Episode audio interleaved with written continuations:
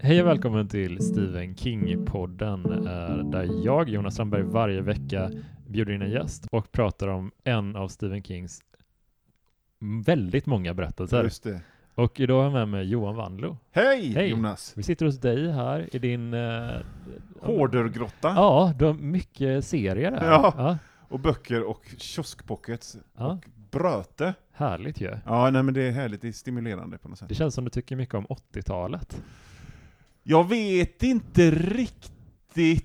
Eh, Jag syftar det, på bandspelaren du har fram och kassettband. ja, men, det, alltså, det- men det, det var någon liten grej, för att jag var skivsamlare förr, mm. eh, men det blev så otympligt, och så började alla med vinyl, så tänkte jag nej, jag ska Mm. börja med kassetter istället. Ja. Eh, men det är ju helt värdelöst, för att kassetter är ju verkligen ehm, ett värdelöst format, för de blir ju sämre bara de står. Jaha, Så att de gamla kassetterna, det, det, det låter verkligen... Och så hör man lite musik i bakgrunden. okej. Eh, Men det, det tar inte så mycket plats, och de är fina. ja, de är väldigt gulliga. Ja, det, är li, det är lite mindre pretentiösa ja visst. alternativet. Och sen då så har jag lite, nu kommer vi från ämnet, men jag har lite ett intresse för ny elektronisk eh, ambient och lite konstmusik och sånt. Det kommer ut mycket på kassett. Ja, Så det, det där är sånt då. ja. Förstår ju poddlyssnarna Ja. när jag visar. Men, men...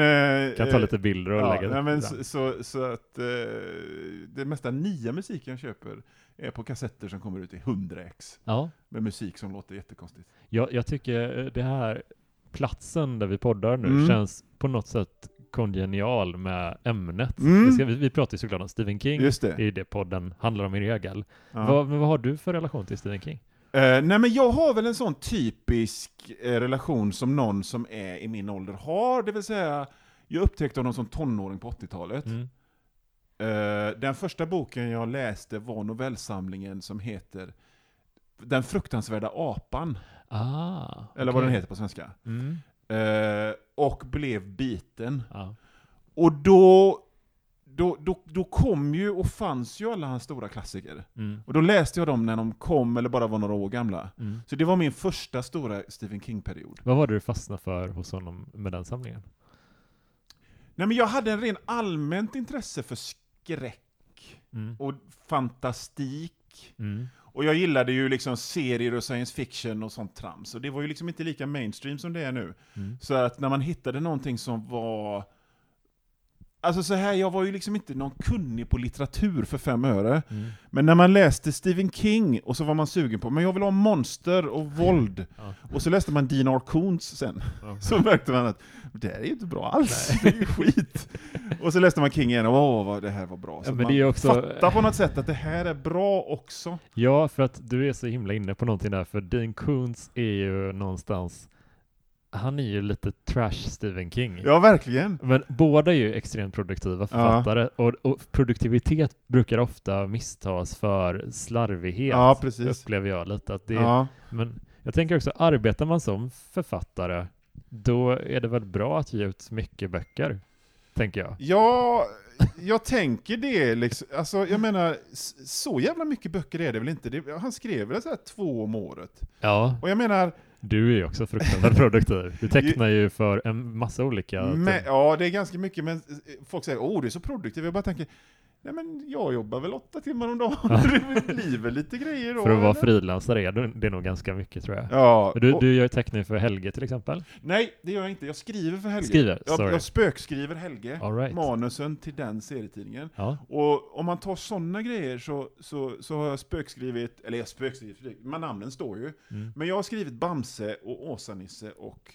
Helge gör jag nu. Ja, Och det är ju liksom rena brödjobb så. okej. Det är ju sånt som, nej men nu ska vi tjäna lite pengar så att jag kan göra non-figurativa skämtteckningar en dag. Roligt sätt att dra in extra Ja. cash på. Men samtidigt så är jag också så här, alltså jag tycker verkligen att serietidningar är heliga objekt. Sådär. Mm. Mm.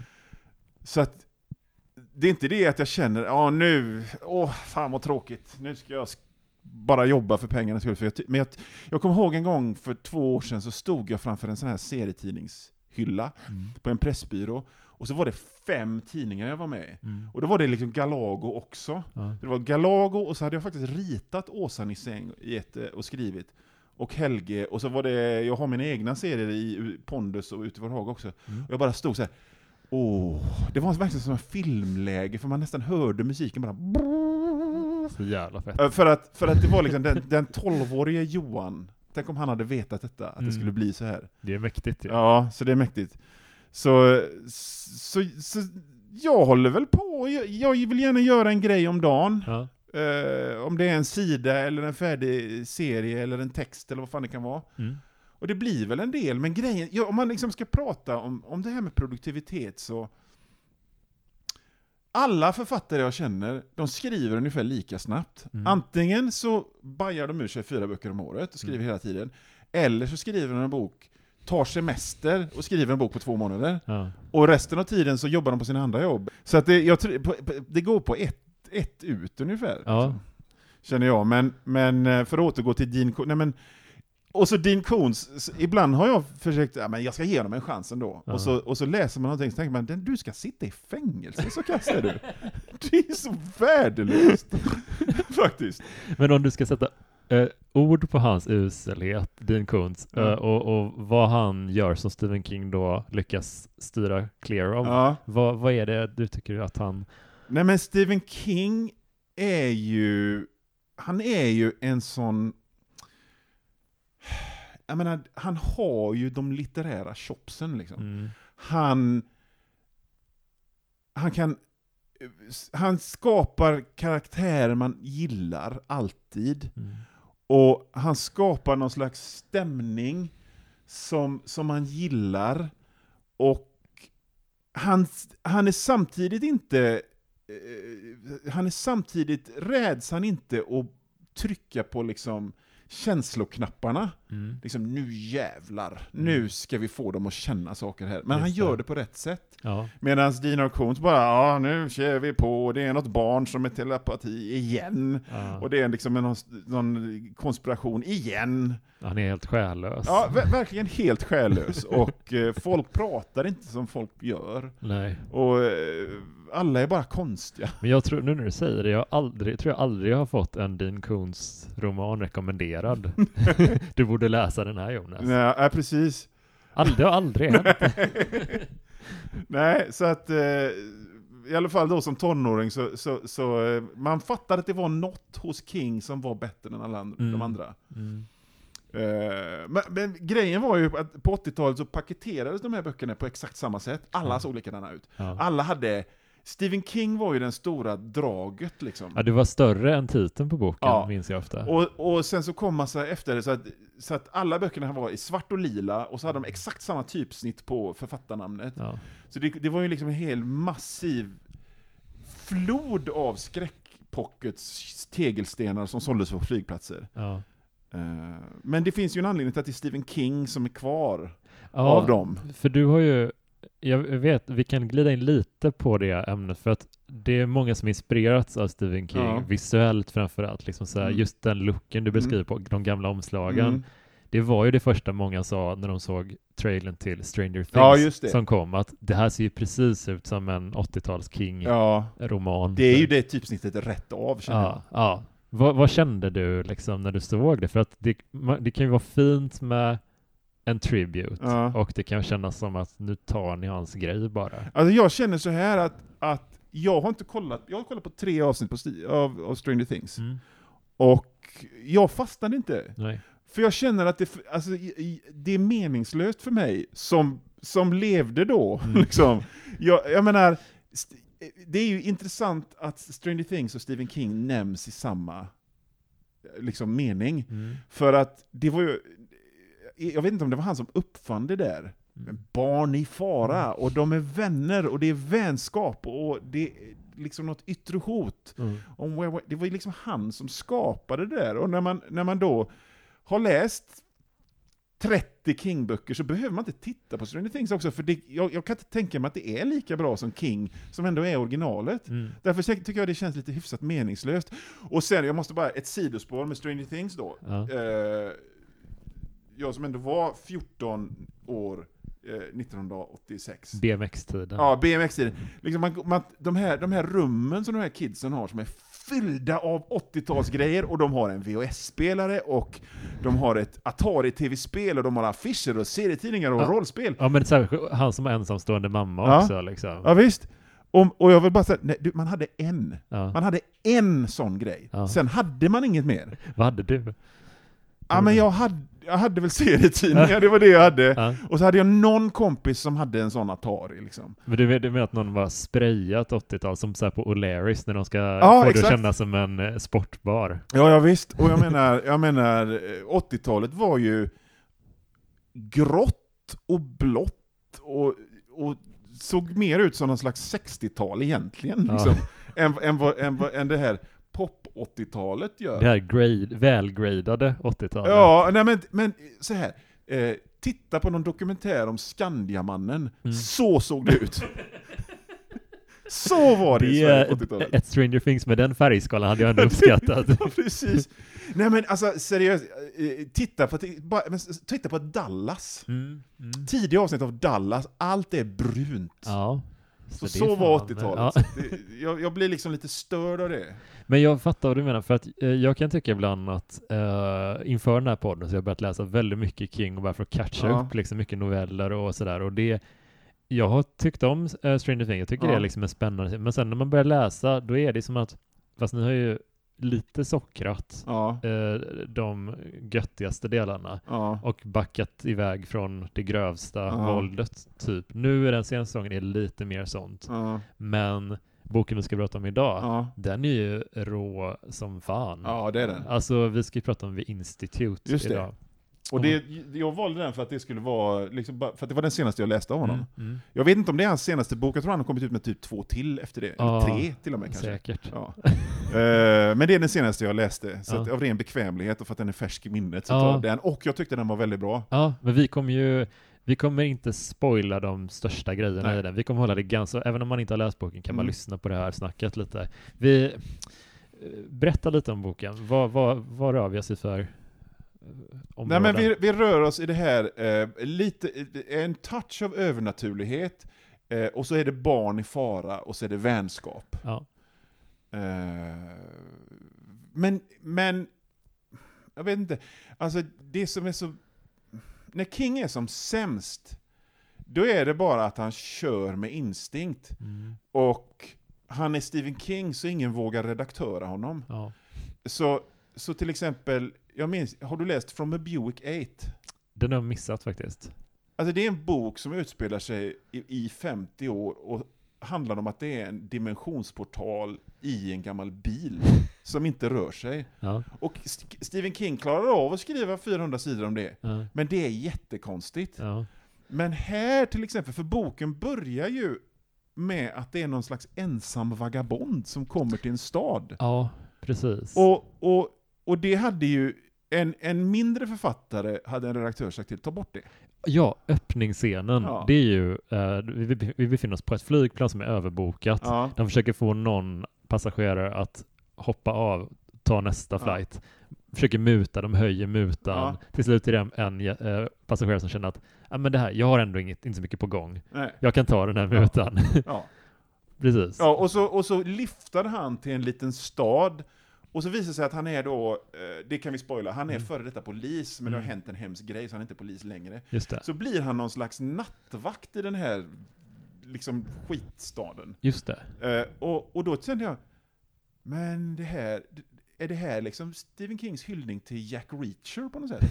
Ja. för, för det var liksom den, den vibben jag fick. ja, men en ex-polis försöker och liksom skapa ett nytt liv bort Ja. från allt liksom. Och så är det liksom hundra sidor med det, Ja. Och så sen börjar den här storyn, som The Institute egentligen handlar om, som handlar om barn som är sådär extra begåvade, som blir kidnappade till någon slags hemlig government facility, där de Ja. tränas och torteras egentligen Ja. då. Och det, det är väldigt subtila förmågor de har. Ja. De kan flytta föremål lite grann. De kan flytta en tom godispåse typ. Ja, och de kan läsa tankar, sort of. ja Det är, det är inte de här riktiga carry-krafterna nej, nej, vi snackar. inte. Det är väldigt subtila små grejer. Eh, Och jag tänkte hela tiden på den, den Stephen King-bok som den är mest lik är väl Eldfödd skulle jag tro. Ja, just det. Jag tänkte mycket på Eldfödd, och jag, det kanske fanns cam, liksom Eldfödds cameos och liksom callbacks, men jag märkte inte dem riktigt. Nej, jag tycker den var, nu var det väldigt länge sedan jag läste Eldfödd, men jag tycker den var som att han hade gått tillbaka och skrivit om den Ja. med sin, sina 20 år ytterligare Ja, erfarenhet som författare. Ja. Eh, utan för att det, den delen är att han upprepar sig. ja. Och, och sen, men den här, bör, den här början, men i det fallet så var det bra att de började så. Mm. För det blir liksom en, en god, ett, det, det blir så bra i slutet med det, Mm. för det knyts ihop. Mm. Och, och, och där, där, där så märker man liksom Stephen Kings, han har liksom ett självförtroende att Nej, men jag löser detta. Ja. Det funkar, eh, för vilken annan som helst hade liksom strukit det eller fått, blivit tvingade stryka, men han bara nej, Ja. vi ska ha.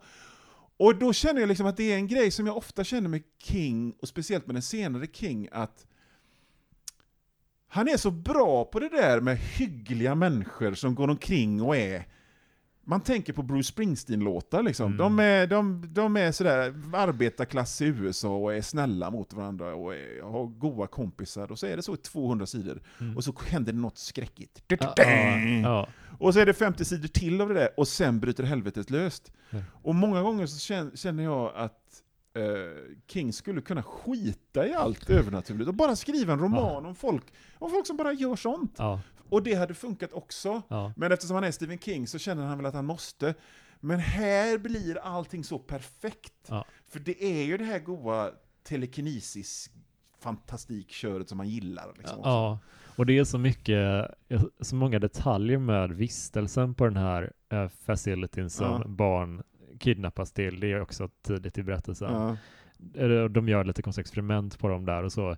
Men deras tillvaro, barnens tillvaro, på, där är ju så himla trovärdig på något Ja. sätt. Man känner att Ja men hur hade man haft känt det om man var så jävla uttråkad bara och liksom visste att jag är tvungen att vara här. Ja. Alltså även om det inte är något farligt att man blir kidnappad eller någonting, Nej. bara man har tråkigt under ett par veckor. Ja. Särskilt när man var barn och inte hade någon kontroll över Ja, någonting. Det, det var ju så det kändes Ja, lite. verkligen. Och bara, jag vet inte varför, hur länge ska vi vara här? Kan inte vara färdigt Ja. Exakt. Och just, just eh, och, och alla de här onda då, inom citationstecken, som jobbar på det här stället, Mm. de är alla liksom, inte, de, de är inte mustasch-tvinnande eh, liksom stumfilmsskurkar.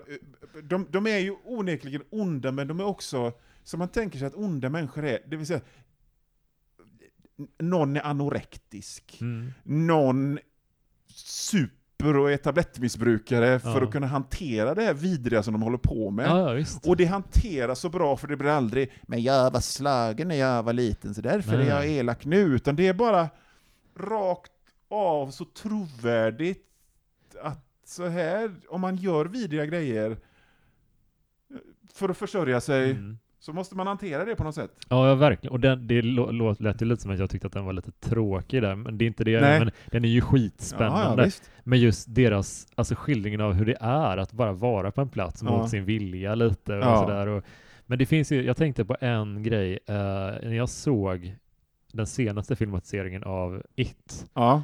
eh, då tänkte jag lite på det, att jag blev så jävla arg när han den där elaka mobbaren som br- brännmärker en av killarna, Ja. när han visar sig ha en pappa som slår honom. Ja. Jag bara, men sluta nu! Ja, Han är ond, det här Ja. barnet är Ja, ondskefullt. visst. han torterar andra barn. Jag måste få känna det. ja visst. Försök inte beröva mig den Nej, känslan. nej, nej, nej, nej. Nej, precis. De barnen man kände som var onda när man var liten, de Ja. hade ju inga föräldrar som slog dem. De hade möjligtvis Alltså- föräldrar som skämde bort Ja. dem. Liksom, eller? Min, min tjej är lite så, jag kan ju liksom bli väldigt uppeldad när vi ser så här filmer eller ser när det är någon som blir mobbad eller alltså jag börjar liksom bli rätt mörk i sinnet. Ja, ja, ja. Och hon bara liksom, får lugna ner dig. ja. hur, Nej, känner, men- hur känner du för den, eh, det fenomenet? Det är kanske, framförallt i, i King då, det finns ju mycket mobbare med taskiga bakgrunder. Ja, ja, ja. Alltså, men han hanterar det ju snyggt. Ofta så Mm. är det ju men så här är det. Eh, de värsta mobbarna när jag var liten, eh, den, den absolut värsta, mo- båda två, de hade ju föräldrar som var alkisar på nivån eh, avsvimmade och nedskitna i, en, i, en, i, liksom i ett dike. Ja. Så det var väl fan inte konstigt att de blev mobbare eller, och sen knarkare och alkisar själv. Nej, det är sant. Det är sant. Men, men, men just ibland så blir det så otroligt fjantigt, för att det fanns ju mobbare som var, bara var dumma. Ja. Dumma och bortskämda tjockisar som, som, som hade föräldrar som var jamsiga. Ja. Det fanns ju det med. Ja. Eh, men jag... om, om jag blir upprörd av... ah, För det är, men det är hela tiden med Stephen King, det, är, det som jag går loss på, som jag kan känna mig lite känslosam över alltid. Mm. Det är ju snarare skildringen av vänskaperna som blir mellan de här Mm. kidsen. Alltså jag, jag, jag, bryr mig, alltså jag reagerar inte så mycket på mobbingen, men, men så fort det är liksom att, att de är så här, på riktigt kompisar Mm. Mm. och dödspolare, då Mm. blir jag oh, oh, vad fint. Ja. Eh, någonstans. Så jag Ja. mer på det. Ja, men jag fattar vad du menar, men det finns en, en karaktär där, det, det här är en sån riktig, som jag haft ända sedan jag var liten, som en, alltså jag ömmar, oavsett hur taskig en person än är, så Mm. ömmar jag alltid för om det här händer.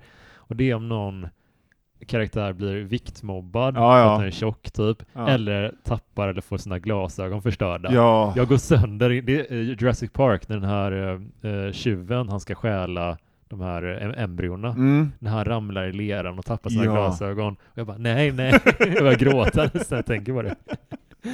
Och det, Ja, det finns ju en, en sån scen i, i The Institute som jag bara tänkte på direkt att det var en som är lite av ett asshole Ja. och, och som bara säger något taskigt om hans vikt. Så jag bara, men det där är ju så får man inte göra. Nej, nej, nej, nej, nej, nej.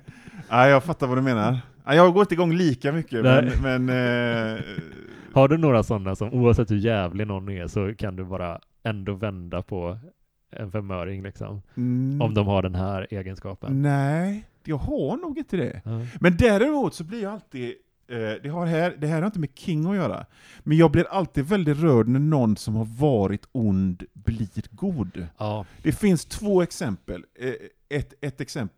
Det finns två exempel framförallt. Eh, vi kan ta det minst betydande först. Och det är alltid när det antyds att Dr. Doom i Fantastic Four är god egentligen. Ja. Att han bara är driven Ja. för att hans, han hade en som, hans mamma är i helvetet. Mm. Och han, han, han gör alla de här hemska grejerna bara för att rädda henne. Ja. Och då blir jag alltid, åh, fint det.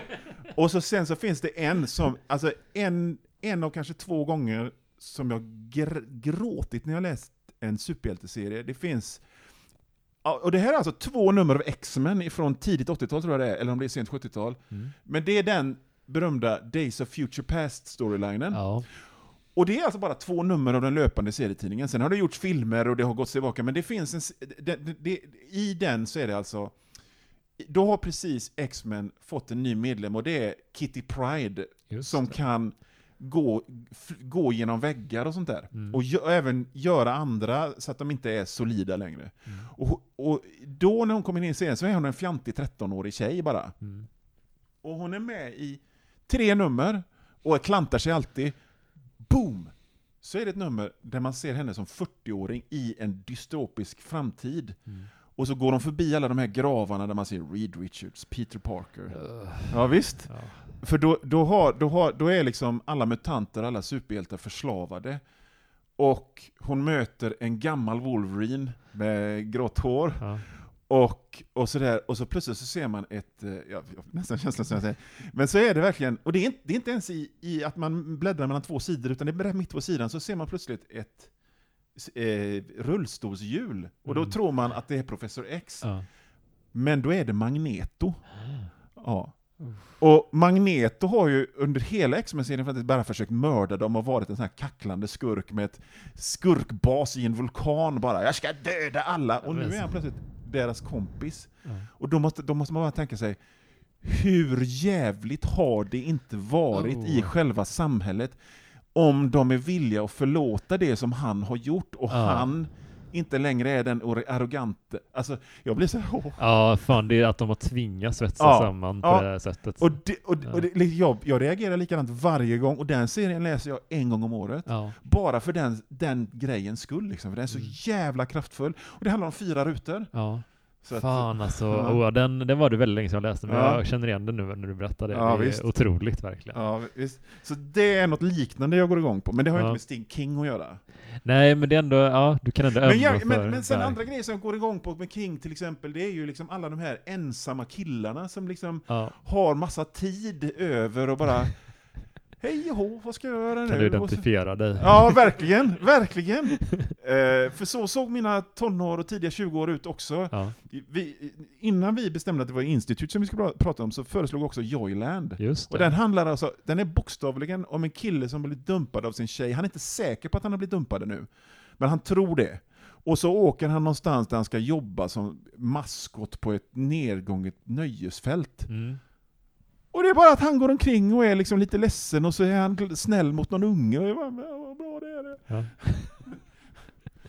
Men jag fattar vad du menar, det blir så, eh, jag har tänkt eh, lite att jag försöker hitta så en, en, en linje i när King började sluta av de här konstiga dipparna. Mm, Eh, det finns ju några punkter där man skulle kunna dra en linje. mm, Typ när han slutade kröka. mhm. Typ. Det, det, då, då kan, men jag har kollat lite, det finns ett par missar där också. Det, finns, det är inte genomgående att det är, det är solid och alla böcker är bra när han har blivit nykter heller. Alltså jag, jag funderar väldigt mycket på det, för att jag hävdar att det finns en stor märkbar dipp. ja, Och den dippen, den bör, absoluta lågpunkten. ja, den, bör, den börjar med boken Köplust, Ja, okej. Ja. tycker jag. Mm, mm. Och sen är det ett, sen är det liksom 90 och han gör den ena konstiga boken efter den andra, så att jag nästan slutar, jag slutar läsa honom. Ja.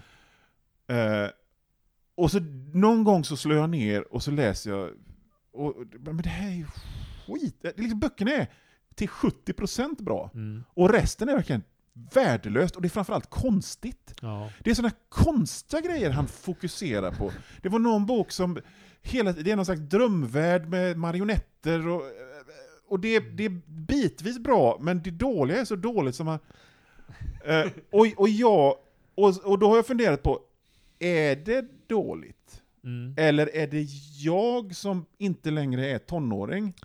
Just det. Är det jag som... Och så, sen då så upptäckte jag, sen så började jag läsa King och tycka att han var bra igen. Mm. Eh, runt 2005-6 med Under the Dome. Ja. Så jag liksom köpte och läste utan någon större entusiasm och så bara började jag bara fan det här är skitbra. Mm. Och sen dess har jag tyckt att han har varit skitbra. Men frågan är, är har han haft en dipp eller är det jag? Och, Ja, och en sak mm. till, kan det också vara det här att det här goa 80-talet, Stranger Things i 80-talet som man förknippar med King tog slut? Mm. Så att hans Zeitgeist-pryl inte var så relevant längre. Kan måste, det vara det? Måste gå Jag till vet inte. 90-talet. Ja. Plågsamt. Ja. Ja, jag, jag vet inte. Men jag förstår ju vad du menar, för att jag kan ibland snöa in på en, menar, en skådis eller regissör Mm. eller liksom en författare och så läser man och ser allt den gör under Mm. en tight period och det är som att någon gång kommer en punkt där man bara, jag kan inte med ha- hans ton längre, Nej. eller jag orkar inte det här, den här, det här sticket Nej. som man kanske inte hade tänkt på om man hade läst en bok om året. Nej, precis. Utan man, man blir ju så när man gillar någon, man slukar ju allt Ja. den gör. Ah, exakt. Men så kan jag bli lite, jag har haft en sån period med King på senare tid och det var liksom, jag började läsa honom igen, jag tror det var 2011 eller 12, Mm. då läste jag klart, eller genom hela Dark Tower-sviten. Mm. Mm. Och sen började Det är det enda jag inte läst av honom. Ja, den är, ja, den är tung Ja, men det är alltså. någonting Den med fantasy, sån, sån, jag, jag, jag förknippar det med fantasy och jag, Ja. då blev jag bara, nej. Men okej, den är lite, den är lite mer sci-fi den här då, men det finns en som heter 112263. Mm. Har du läst den? Ja. Den tyckte jag var väldigt, väldigt bra. Mm. Eh, Den kan man göra ett separat avsnitt av, men där märkte det, det är liksom en sån genial, enkel idé som Mm. är väldigt tydlig. Han kan liksom åka till, han kan resa i tiden, huvudpersonen, men Mm. bara till ett datum. Mm. Det, han kan liksom inte välja själv Nej. när han ska hamna, så han bestämmer sig för att stanna några år på 50-talet Mm. Tills han kan se vem som mördade Kennedy. Just det. Och det är så att han måste leva där i flera år och han kan liksom inte spida fram eller Nej. någonting. Jag tycker det är så fruktansvärt bra Mm. premiss verkligen. Och där, är, där götte han ju sig i Americana, Ja. liksom den här 50-tals Coca-Colan smakar liksom Ja. godare. Och, ja, precis. Jag, jag kommer tänka, jag tänker på det, jag tänker, just det tänker jag rätt på ofta, liksom Ja. det här hur han märker att liksom Co- Coca-Cola och, och milkshaken, det är en helt annan smak. Liksom. Ja. Men den grejen, jag har ju börjat eh, köpa sån, jag kan inte uttala det, men det finns en mexikansk cola som heter typ Jaritos, Ja, kanske, ja, ja. eller någonting. Och den är ju så söt så det, man storknar. Ja, ja. Men man kan dricka en sån ibland och då får jag en sån riktig, så här kanske det smakar. Ja, ja, ja, just det. Lite. Ja, Men om vi ska vända tillbaka lite till Institute. ja just det. Eh, vad liksom, vad, har du liksom något bestående intryck av den? Så här, vad, vad är dina spontana liksom? Alltså mina spontan... För, för, för, för det första så kände jag liksom, det här är Stephen King i hög form. Mm. Han, han eldar på alla cylindrar utan för att den saken skulle köra järnet hela tiden. Mm. Han fattar när han inte, när han inte ska liksom, vrida mätaren till 11, Mm. utan köra på 4 Mm. ett tag. Och, ehm, och så just det här som är så bra med King, att han, han vet vad man vill ha. Ja. Och nu är vi li farligt nära spoiler-grejen, men, men, man, men mot slutet så läser man ju och gör, liksom, gör vågen. Mm. För att liksom, det, åh vad bra! att Det, Ja. ja. Ja. Jag kan inte säga mer. Nej, det, Eh, det är verkligen, och jag tycker det är så jävla bra balanserat hela boken. Den är liksom drygt eh, 400 sidor. Ja. Eh, och jag tycker det är så bra balans hela tiden, liksom att så fort man börjar, det börjar bli lite för lugnt, Mm. dagarna börjar bli lite för lugna Ja. i, i, deras celler typ, eller på det här institutet, så börjar man bli orolig. Nu har det varit lite för få provtagningar och experiment på barnen. Ja. Nu kommer någon skit hända. Men grejen är, det, det, är en- det är en av de grejerna som Stephen King gör bäst, Ja. inte bara i The Institute, utan även hela hans karriär. Ja. Att han planterar ett litet frö av att nej, nej, nej, nej. Ja. Någonting riktigt vidrigt kommer att hända. Och just de där passagerna som du nämnde, jag tänkte exakt samma sak. För det var verkligen, de går där och äter godis och, och fikar och är på lekplatsen, Spelar men man basket. vet att Ja. någonting kommer att hända. Något kommer hända.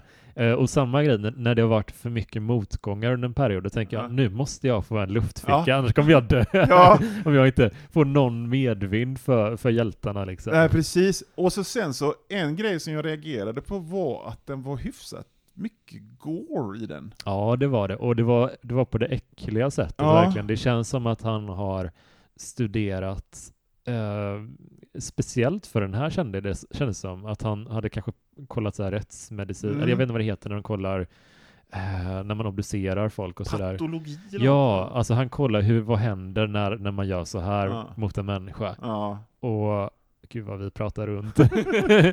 men men det, det är värt det, för man, man ska Ja. bli överraskad, man ska Ja, bli men alltså det finns bara en, scen- det finns en scen, det kan jag säga utan att spoila, där, där den här killen, hu- huvudpersonen, han skadar örat. Mm. Och det är verkligen så här, åh! Ja, det är, det är en sån riktig grej. Där jag har re- reagerat så hårt på, eh, på den, in, inte reagerat så hårt på en scen sen eh, konferensen Nej med Mats Strandberg. oj oj oj. Och där är, där är det liksom, premissen där är att det är en mördare i skogen Ja. eh, på en, en konferens, konferenscenter. Och den här mördaren gillrar fällor Ja. lite i kulisserna under en lång tid. Ja. Och man bara väntar på, snart kommer någon bli utsatt för den här Ja. fällan. Och hur ska den bli utsatt för Men, fällan? men konferensen är ju en helt egen, alltså det är, magisk. alltså jag har jag, alltså, jag trodde jag hade sett och läst allt, Ja, liksom, ja. för jag har verkligen tusen år av skräck i huvudet. Ja. Men just konferensen var bara... Jag, jag, jag, jag bara tjöt när jag Ja, läste den, för det är sådana vidriga Visst, grejer. visst, man gjorde så här bara, Ja, så gjorde jag ibland. Man läser en bok. ja. Det är helt sinnessjukt. Ja, ja, ja, ja. Det, och, det, och, och i, i, i, i Ki- King-boken är inte alls i närheten av den vidrigheten, Nej, men det finns ögonblick av Ja. fysiskt våld som bara känns, känns som att det inte är sensationssökande utan bara är Ja men nej, nej. Alltså det är inte som när Rambo kommer med sin pilbåge till musiken som låter och skjuter alla och nej man bara det, det, det, är inte det minsta coolt Nej, någonstans. Utan det är bara äckligt och ja, hemskt. Ja, och det är, ja usch. Mm. Det tycker jag var riktigt, det känns som att han hade ansträngt sig extra mycket Mm. på något sätt den här gången. Och jag, jag tycker liksom inte att, för jag är ett stort fan av underhållningsvåld, Mm, ja. men, men just, just gore och våld och sånt äckel är ju inte riktigt Kings grej. Och Nej. har aldrig varit. Det är väl möjligtvis djurkyrkogården då. Ja, som precis. är på den nivån. Ja, Lida har ju Ja, Spartan just det. standardnande, men det är inte så mycket heller. Det, är- det, är- det är ju klassiska scenen. Liksom. Jag ska Mm. läsa om den snart också, för att färska upp minnet lite. Men jag minns det som att det, det är lite selekt, selektivt ändå, Ja. när det verkligen behövs, och då, då känner man det. Ja, Lida är ju den som har den här boken i boken och det är ett grepp jag inte riktigt alltid gillar. Nej, nej just det. Det är liksom 50 sidor av den här romantikboken som han skriver medan han är fången hos den Under här tvång då. Och det, jag, jag, jag, kände att jag bara, nej men vad fan. Men i och för sig, jag har inte läst den på väldigt, väldigt länge, men Nej, jag, jag, tyckte om eh, jag tycker om filmen såklart som alla andra, Mm. men det hade känts som att man skulle se Directors Cut-versionen av filmen, Ja. man får läsa. Alltså, du vet, man bara, ja men jag kan filmen så bra, jag behöver kasta in en variabel. Ja, exakt. ja, Typ så. Ja men vad eh, säger vi, ska vi, rekommendera vi boken? ja om det inte har absolut. framgått. Alltså, jag, måste säga att det här var, det, är liksom, Sti- jag tycker att Stephen King har de senaste 20 åren varit inne i en andra andning. Mm. Och jag tycker liksom det mesta är bra. Sen finns det dippar, jag tyckte inte om Dr. Sleep, alltså fortsättningen på Shining. Ah, okej. ja. Och jag tyckte, jag läste, boken jag läste innan The Institute var The Outsider. Ja. Den var eh. Mhm. Eh, Men sen så älskar jag Mr. Mercedes och dem innan. ja. Men, men The Institute var verkligen bara, fan vad bra han är! Liksom, Ja. Han, han har det fortfarande. Mm. Det är liksom nog åtminstone 10-15 böcker kvar i honom. Ja, alltså han är väl, jag kollade upp det, jag tror att han är typ 74-75 Mm. nu. Och det känns som, han, han lever väl ganska helt okej sunt. Ja. Känns som han har, han har hund, han är ute och promenerar i Maine, ja. Han äter helt okej säkert, hoppas Ja. jag. Han super kanske inte, han gör ju inte det. Nej. Han är nykter, han kommer klara sig. ja Tio precis. år till har vi honom. Han rökte väldigt mycket och det där kan ju komma och bita i svansen. Men, eh, Ja, ja. det är sant. Men... eh, är Jag rekommenderar den, verkligen. Jag skulle säga att om, särskilt det, du, du kommer tycka att det här är ett, ett förnedra, en förnedrande rekommendation, Okej. men särskilt om man gillar Stranger Things, Ja. man har sett allting, om man vill öka dosen lite, man Mm. vill ha, man har det grön, man vill ha det, hitta det från källan, Mm. Då ska man läsa The Institute, för att Mm. det, är, det är liksom den världen som de gestaltar, som de lite har plockat från hans, Absolut. Grejer. och King kan det bättre. Ja, Alltså, han jag- skapade det ju. Liksom. Ja, och, och nu tycker jag om uh, Stranger Things, Mm. du är tveksam. Ja, Så men vi kan ju säga så här, till exempel, mina en- barn har ju sett alla säsonger av Stranger Things. Ja. Och då har jag, då har jag ju liksom naturligtvis inte varit bara "Nej, det här är skit, vi skulle läsa. Utan jag har stuckit åt dem Ja. Stephen King-böcker istället. Jag Ja. gav min dotter, som är det stora Stranger Things-fanset, jag gav henne det. Oh, det var ingångs... Ja. Ja, wow. Som hon gillar då va? Ja, det är ändå en tung in- inkör, Ja, inkörsport. men det är, jag tycker den har det också, som Ja. är det där Stranger Things ja. Ja, Antar jag. ja. Eh, för att liksom, okej, men här, här, läs det här, Mm. om du gillar det här. Ja, det är ju en extremt bra... eh, Men jag skulle fan... Jag tycker typ att han har blivit... Det är en jättebra roman också, Mm. men jag tycker fan att han har blivit tajtare Mm. på senaste året. Sen, alltså sen efter sin olycka, Mm. efter sista Dark Tower kanske, viss Mm. reservation, då har han blivit tajtare. Då, Ja. då har det blivit så här riktigt... Alltså, han kan... Det är, det är lite dödkött i berättelserna. De är fortfarande ganska långa periodvis, men det är lite, väldigt lite dödkött. Mm, verkligen. Ja. Och det är ändå liksom 900 sidor ibland. Ja, Utan dödkött. Ja. Det är fan en bedrift. ja herregud. Ja men fan vad, vad fint att du ville vara med Ja. och snacka om, om The Institute här. Gärna. Eh, Det var väldigt kul och kul att få debriefa så här. Det, det är det finaste tycker jag med den här podden, för jag, får- jag får aldrig prata. jag läser, alltså det är ingen annan, jag vet inte vem som är som läser den här till exempel. Nej. Och det är klart, det enda man kan säga, ja men min tjej är inte jättefan av, King-böcker sådär. Nej. Så jag kan bara säga, ja men den var skitbra, den handlar om det här. Och jag Ja. bara, hon vet, kan inte Nej. komma med någon input så Nej, mycket. Hon har ju inte läst den. Nej. Eh, så det, det är fint att Ja. få debriefa lite. Det var kul att få göra det. Ja, vad, vad kan man hitta dig i sociala medier och sådär? Uh, Johan Wanlo på Twitter och Ja. samma på Instagram. Ja. Och sen så... eh, Du har en Patreon också, Jag har en Patreon. med massa, om man gillar dina, din, din, dina serier så, här, så har du skitmycket exklusiva grejer. Alltså jag, jag har... Jag, alltså skitmycket exklusivt, ibland. Ja, Jag tänker att jag ska få in lite fler folk, för då ska det bli mer exklusiva grejer. ja, Men jag menar, eh, alla, jag, jag lägger ut eh, grejer varje dag. ja. Eh, och då är det eh, ur, ur min st- stora produktion, Mm. och det mesta nya om jag kan lägga ut det. ja. eh, direkt. Så det är liksom fem dagar i veckan så kommer det grejer. Och så mitt radioprogram en vecka innan det sänds i radion. ja. Fan vad mysigt. Ja. Ja, men det, tack för att du ville vara med. Tack för att jag fick vara med. Tack för att ni har lyssnat. Hej då! Hej då.